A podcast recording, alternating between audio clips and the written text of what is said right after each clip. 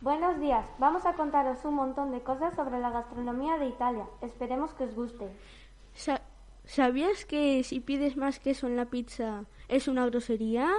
Y solo puedes beber vino o agua. Y que, puedes y que no puedes compartir la pizza, tienes que comértela tú solito. Si no, te tomarán por un turista inexperto. Espero que les haya gustado. ¿Sabías que antes la pizza solo la comían las familias pobres? Se, popularizó porque la reina de Nápoles mandó hacer un horno especial para, para hacer pizzas para sus invitados.